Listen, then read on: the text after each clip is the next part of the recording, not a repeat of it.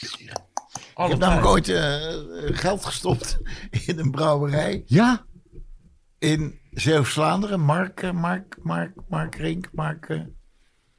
Ja, die... Waar, En daar stond een nachtje slapen tegenover. Die hadden oude school gekocht en daar maakten ze bed and breakfast in. En ik had In West-Vleteren? In België? Nee, het was... Het was, het was in niet Zeeland. Edwin Vinken. Het was de. Kromme Watergang. En ik ging daar... Ja, daar had ik gegeten. Ja. En toen met Debbie had ik er ook geslapen. En toen gingen we de volgende dag een beetje rond. Toen kwamen we in een kroeg terecht waar we gewoon koffie gingen doen en ontbijten. En die hadden een hele kleine brouwerij in een oude school. En toen zei die gozer, eh, ik zoek nog sponsors. En toen heb ik gezegd, dat is goed. En wat krijgen we hiervoor? Ja, dat je af en toe een nachtje kan komen slapen. Dat hebben we het later bijgelaten. We hebben, ik ben dus me- mede-aandeelhouder Van een brouwerij. van een brouwerij. Maar Maar we weet- weten niet hoe die heet. We zijn er nooit geweest. Nee, dat is toch Nou, goed. Maar goed, eh, je, je zou natuurlijk ook eh, Van de Streek kunnen sponsoren. Hoezo? Ja. Oh, nee, hoeft het niet? Nee, Oké. Dus van Buckler naar... Juist, en het, woord, het bukkelen is nu gevallen. Want dat is nu... Dat zal altijd aan je blijven plakken als het om bier gaat. We hebben er bewust in onze, in onze hele podcast het niet over gehad. Nee, het, was, het was heel grappig. Ik, ik was aan, in 89 de oudejaarsconferentie aan het maken. En toen kwam het, eh, ja, het alcoholvrije bier kwam op. Ja, En ja, ik vond dat raar. Ik, iedereen moet dat verder zelf weten. Maar als je niet wil zuipen, dan neem je in de, in de kroeg Een colaatje. Een, een colaatje Ja. of een spaatje of een appelsappie of weet ik wat. Maar om nou met een nep biertje in je poot te gaan, te gaan staan en dan toch helemaal nuchter dat wijf mee naar huis te nemen. Dat lijkt me voor dat wijf ook niet leuk. Nou goed, oké. Ik vond het nogal... en misschien dronk die vrouw ook wel. eh, Nee, maar goed, ik vond het, ik vond het raar. En toen zei ik eh, op toneel, eh, en toen zocht ik gewoon, en toen Buckler werd een merk. Ja. Maar het aardige was, dat je had toen ook Klaus Thaler en Bavaria. Maar dat, dat bekte als cabaretier niet. Dus het is gewoon Buckler lulman, flikker eens op, sodomiet erop, ga godverdomme in de kerk zuipen, de biel. Weet je, nou goed, dat was het. En Hans, mijn manager, die had bij, eh, bij Heineken gewerkt. Jaren als student, als gewoon eh, rondleider in de dingen. En die zag bij de try-outs in de kleine komedie heel veel Heineken mensen. En die zeiden allemaal, en hij zei, wat doe jij hier nou? Nou, we vinden het zo leuk dat Joep Buckler noemt. Dat vinden we echt geweldig.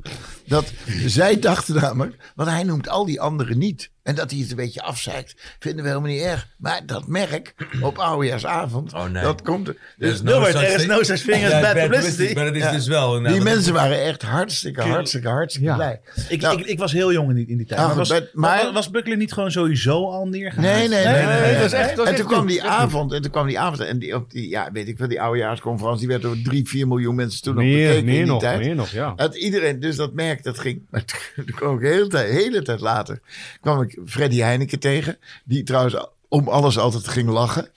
En die tegen mij zei op een, op een borreltje, eh, meneer Van Dijk, ja, u weet dat mij dat 400 miljoen gekost heeft. En toen zei ik, en u kunt nog, ske- nog steeds skiën? Ja, ik zei nou, niks aan. In de staat. Niks aan. En die Dat staat 400, volgens mij ook in een van de biografieën van ja, maar Heineken. 400 miljoen is helemaal niet waar. Dat is, Nee, maar staat ook in een biografie van Heineken. Ja. Maar daar zat volgens mij ook een soort van insinuatie dat jij een soort veten met Nee, hem... helemaal niet. Hij, het was wel zo. Ik dat heb juist andersom gehoord. Nee. Dat jullie juist, eh, eh, dat is juist, in de reclame retten gaat het verhaal juist dat, dat Freddy wilde Heineken, of, eh, of Heineken 0.0 sowieso niet.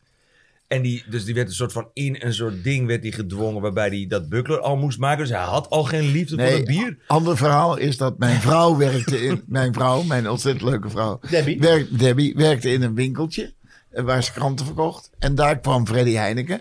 En Freddy Heineken werd gewoon officieel verliefd op mijn vrouw. Oh. En die... Oh, Ja, dit staat in dat boek volgens mij. dat je ja, daarom ja. een soort veten En die had, toch? probeerde het een beetje aan te leggen. Dit is Eh, waar. ja, en die, De ultieme Ja. bucklerlul. En zoals jij, ook niet, zoals jij ook niet van geld houdt. Mijn vrouw ook niet. Dus die was niet verder geïnteresseerd in een hele oude Freddy Heineken. Dus Maar, die- want jullie waren al bij elkaar. ja, maar dat maakt ook niet uit. Bij, bij mijn vrouw, ja, die, die moet dat zelf. Dus die, die kreeg alleen maar het slappe lach dat Freddy Heineken haar uitnodigde enzovoort. En toen later verscheen er in de pers dat ik Oh. als wraak, of, terwijl ik, ben, ik heb me nooit één seconde zorgen gemaakt over de oude Freddy Heineken. Zoals, ja, als, Maar het was wel extra jeu eraan, toch? oh, die, was toen ze- die was toen zeven. Maar hij zou dat kunst toch vaker geflikt hebben? Want ook die ver- verfilming van het boek van W.F. Hermans... Daar zat een actrice in. Ja, eh, hoe heet ze? Eh, Met eh Fons Rademakers. Juist, Fons Rademakers, ja. En, dat, eh, en, en daar, was ook een love interest aan de Ja. kant van Ferdy Heineken. En die heeft de rechten van die film gekocht en ervoor gezorgd dat die gewoon 35 jaar niet is uitgevoerd. Ja. Oh, wauw. Hij had die film gesponsord Ja. en toen ging die liefde... Hij had haar als, eh, als hoofdrolspeler erin ge, ingefietst. En toen eh, ging het uit. En toen is volgens mij na de première, of nog drie weken, daar is die film helemaal gestopt. Ja. En die is nu weer in, het, eh, in de DVD-box. ja, Ja, ja, ja, ja. ja. Maar Even weet iets- jij, even, even, nee, ik wil toch even checken. Fact check. Weet jij dat over dat... Wilde Freddy eigenlijk geen 0.0? Geen idee. Ik weet wel dat in überhaupt, zeg maar, de Heineken-familie, en dan ga ik niet over de familie-familie, maar over de mensen die daar werken. Het is heel lang taboe geweest om u over iets, over een ander product te praten Ja. Onder de paraplu Heineken dan Dus daarom- Heineken Pils. Oké, dus 0.0 dus, dus, dus altijd- de eerste, eerste stap daar naartoe is Willem van Waasbergen, die de Heineken H41 mocht introduceren. De Wild Lager, ik weet niet of je die nog kent, maar met Mhm. een gist uit Mesopotamië, allemaal moeilijk gelul. Ja, dat was een van de eerste nieuwe producten onder de, onder de vlag Heineken. En eh, daarna, nu dus, zitten we natuurlijk midden in de 0.0 wave. Maar bij Heineken is heel erg sterk het gevoel, het gaat om ons pils, het gaat om één ding. Hij heeft later nog, maar het was echt wel acht, negen jaar later, heeft hij op een gegeven moment het merk Joepie uitgebracht. Heel kort. Serieus? Ja, één, a- één keer, maar toen was hij al heel oud. Alcoholvrij ook. En ja, maar alcoholvrij, het, nu is het wel lekker, gewoon als grap, op 1 april. Ja, ja, ja, ja. Maar was wel iets in 98 of 99. En toen Best kwam de, firma, grappig. de firma, ja, best een grappig, beetje ja, maar wel een beetje laat. Ja, Ja. Dat hadden ze in, twee, Ja, ja, ja. hadden ze in 92 Ja, ja, ja. moeten doen. Maar ik, leuk, en toen kwam hij dat op kantoor, kwam hij dat brengen. En niet hij, maar die meneer Vuursteen. Met, Ja, ja. En ze kwamen met die paard en wagen bij ons. En wij zaten midden in de stad. En ik zorgde dat ik er was. En toen kwam hij, het was hartstikke gezellig. En toen dacht ik, nou, zal ik een wijntje schenken? Dat, eh, nee, dat- fuck maar ik wijn. weet, die heren die drinken alleen maar bier. Dus zei ik, een biertje heren, nou, heel graag Joep. En toen had ik een eh, paar flesjes Schols. Nee! Die had ik de. Maar daar moesten ze zelf erg om lachen. Ja, lachen. een glaasje Grols. En wat wel heel grappig was, dat la- later hoorde ik van eh, iemand. Die vertelde dat, eh, even kijken, ja, Grols had volgens Freddy Heineken een, maken een brouwersfout. En daarom is het bier wel lekker, maar dat komt door een foutje. Volgens Freddy Heineken, die al lang weer dood is. En, Nou ja, een brouwfout. Een brouwfout is een goede term. Wat is Ja. een brouwfout? Nou, een brouwfout kan bijvoorbeeld dat je bijvoorbeeld in een bier een klein botertje hebt. Ja, waardoor het wel lekker wordt, maar eigenlijk is dat botertje een brouwfout. Maar goed, dat maar Hoezo is dat een Happy- fout als het Happy lekker is? accident heet het toch dan? Ja, hoezo is het fout? Dit is precies mijn discussiepunt. Hoezo is het fout als het lekker is? Ja, ik vind dat ook niet echt een ding. Maar, maar niet- bij traditionele Duitse brouwers hè, zijn er bepaalde smaken dan dan. Zoals in de... eh, ja, weet niet, zoals in andere werelden andere dingen dan. Hoe hard vloek ik in de kerk als ik dit open haard biertje gewoon echt gewoon smerig vind? Ja, aardig. Ja? Aardig hard. Doe je dan een keer, maar dat Ik, vind, nou ja, ik, ik hou gewoon niet van die rommel. Ik hou niet van dat. ik- kan dat? Als er grote naast zit, mag je alles zeggen. Nee, zeker. Maar, als- maar dan hou je dus ook niet van rokerige whiskies. Dat is heel goed. Dat is Nee, maar ik hou- ik hou sowieso niet van whisky. Nee. Dus dat. eh, Over wijn gesproken. Eh, kom je wel eens in zo'n wijnbar? nee. Want wij gaan namelijk de Fuck Wijnbar openen. Oké. En dat is een dingetje eh 18 of 19 december. 19 december, zondag. En dan gaan we eigenlijk alle gasten, van harte welkom, ehm, dus die mogen ook een tap uitkiezen. Dus wat voor bier daarop komt. Dus toen we net Ik binnenliepen... weet welke niet opkomt. Toen we net binnenliepen, toen kwam... ehm, nou, deze rokerige komt er niet op. Maar toen we net binnenliepen, liepen we langs een vaatje. Dat kwam speciaal vanaf eh Vlieland hierheen gekomen. Brand aan, omdat Jort Kelder dat graag wilde hebben. Dus die komt op tap. En ook jij mag nu in deze nazit een bier uitkiezen wat bij de Fuck Wijnbar eh, op tap komt. En Daar mag je even over nadenken. Oké. Ja, En je mag ook, je mag ook eh, gewoon Grols. een regulier, grots, grots, maar Gaan we ook. straks op terugweg, Hidden. Hè? We komen er wel uit, hè? Ja. Nou, je mag ons eh, ook later appen. Bij Maarsen. Ja, bij weten we het. Nou, dan appen we straks wel wat dat dan wordt. Dat is helemaal prima. Ja, alcoholvrij. Nog even over alcohol, want het is nu, nu zijn er heel veel alcoholvrije bieren. Smeerlapperijen. Maar vind je het nog steeds? Nou, weet je, ik denk als je een biertje drinkt, zou ik gewoon een biertje drinken. De, het lekkere van een biertje is een beetje alcohol. En, Ja. en, en eh, ik vind het allemaal best. Ik begrijp ook dat iemand snel even een, een, een alcoholvrij bier. Ik weet dat die 0.0 dat het best redelijk is. Maar ja, dan, dan neem ik liever een glas water. Vind ik gewoon gezellig. Ja. Dan zie je tenminste de- wat hij drinkt. Maar Neem jij wel zo'n alcoholvrij biertje? Eh, niet vaak, maar wel... Playground eh, wel, toch? Ja, Die natuurlijk wel. playground wel. Tuurlijk wel, maar, maar niet, niet zo vaak als dat andere mensen dat doen. Wat ik wel eens Ehm, doe, is maar- als je in gezelschap bent, waarvoor dat ik nog moet rijden of dat ik eh, nog moet optreden of wat dan ook. En iedereen zit aan het bier. Dat ik toch Stiekem. Hè, Stiekem. stiekem een alcohol. Ik drink alcoholvrij bier wel trouwens. Ik squash eens in de week. En dan doe ik het eerste biertje. Ze hebben van Tap, eh Heineken 0.0. Doe ik altijd eerst eh, even voor de dorst.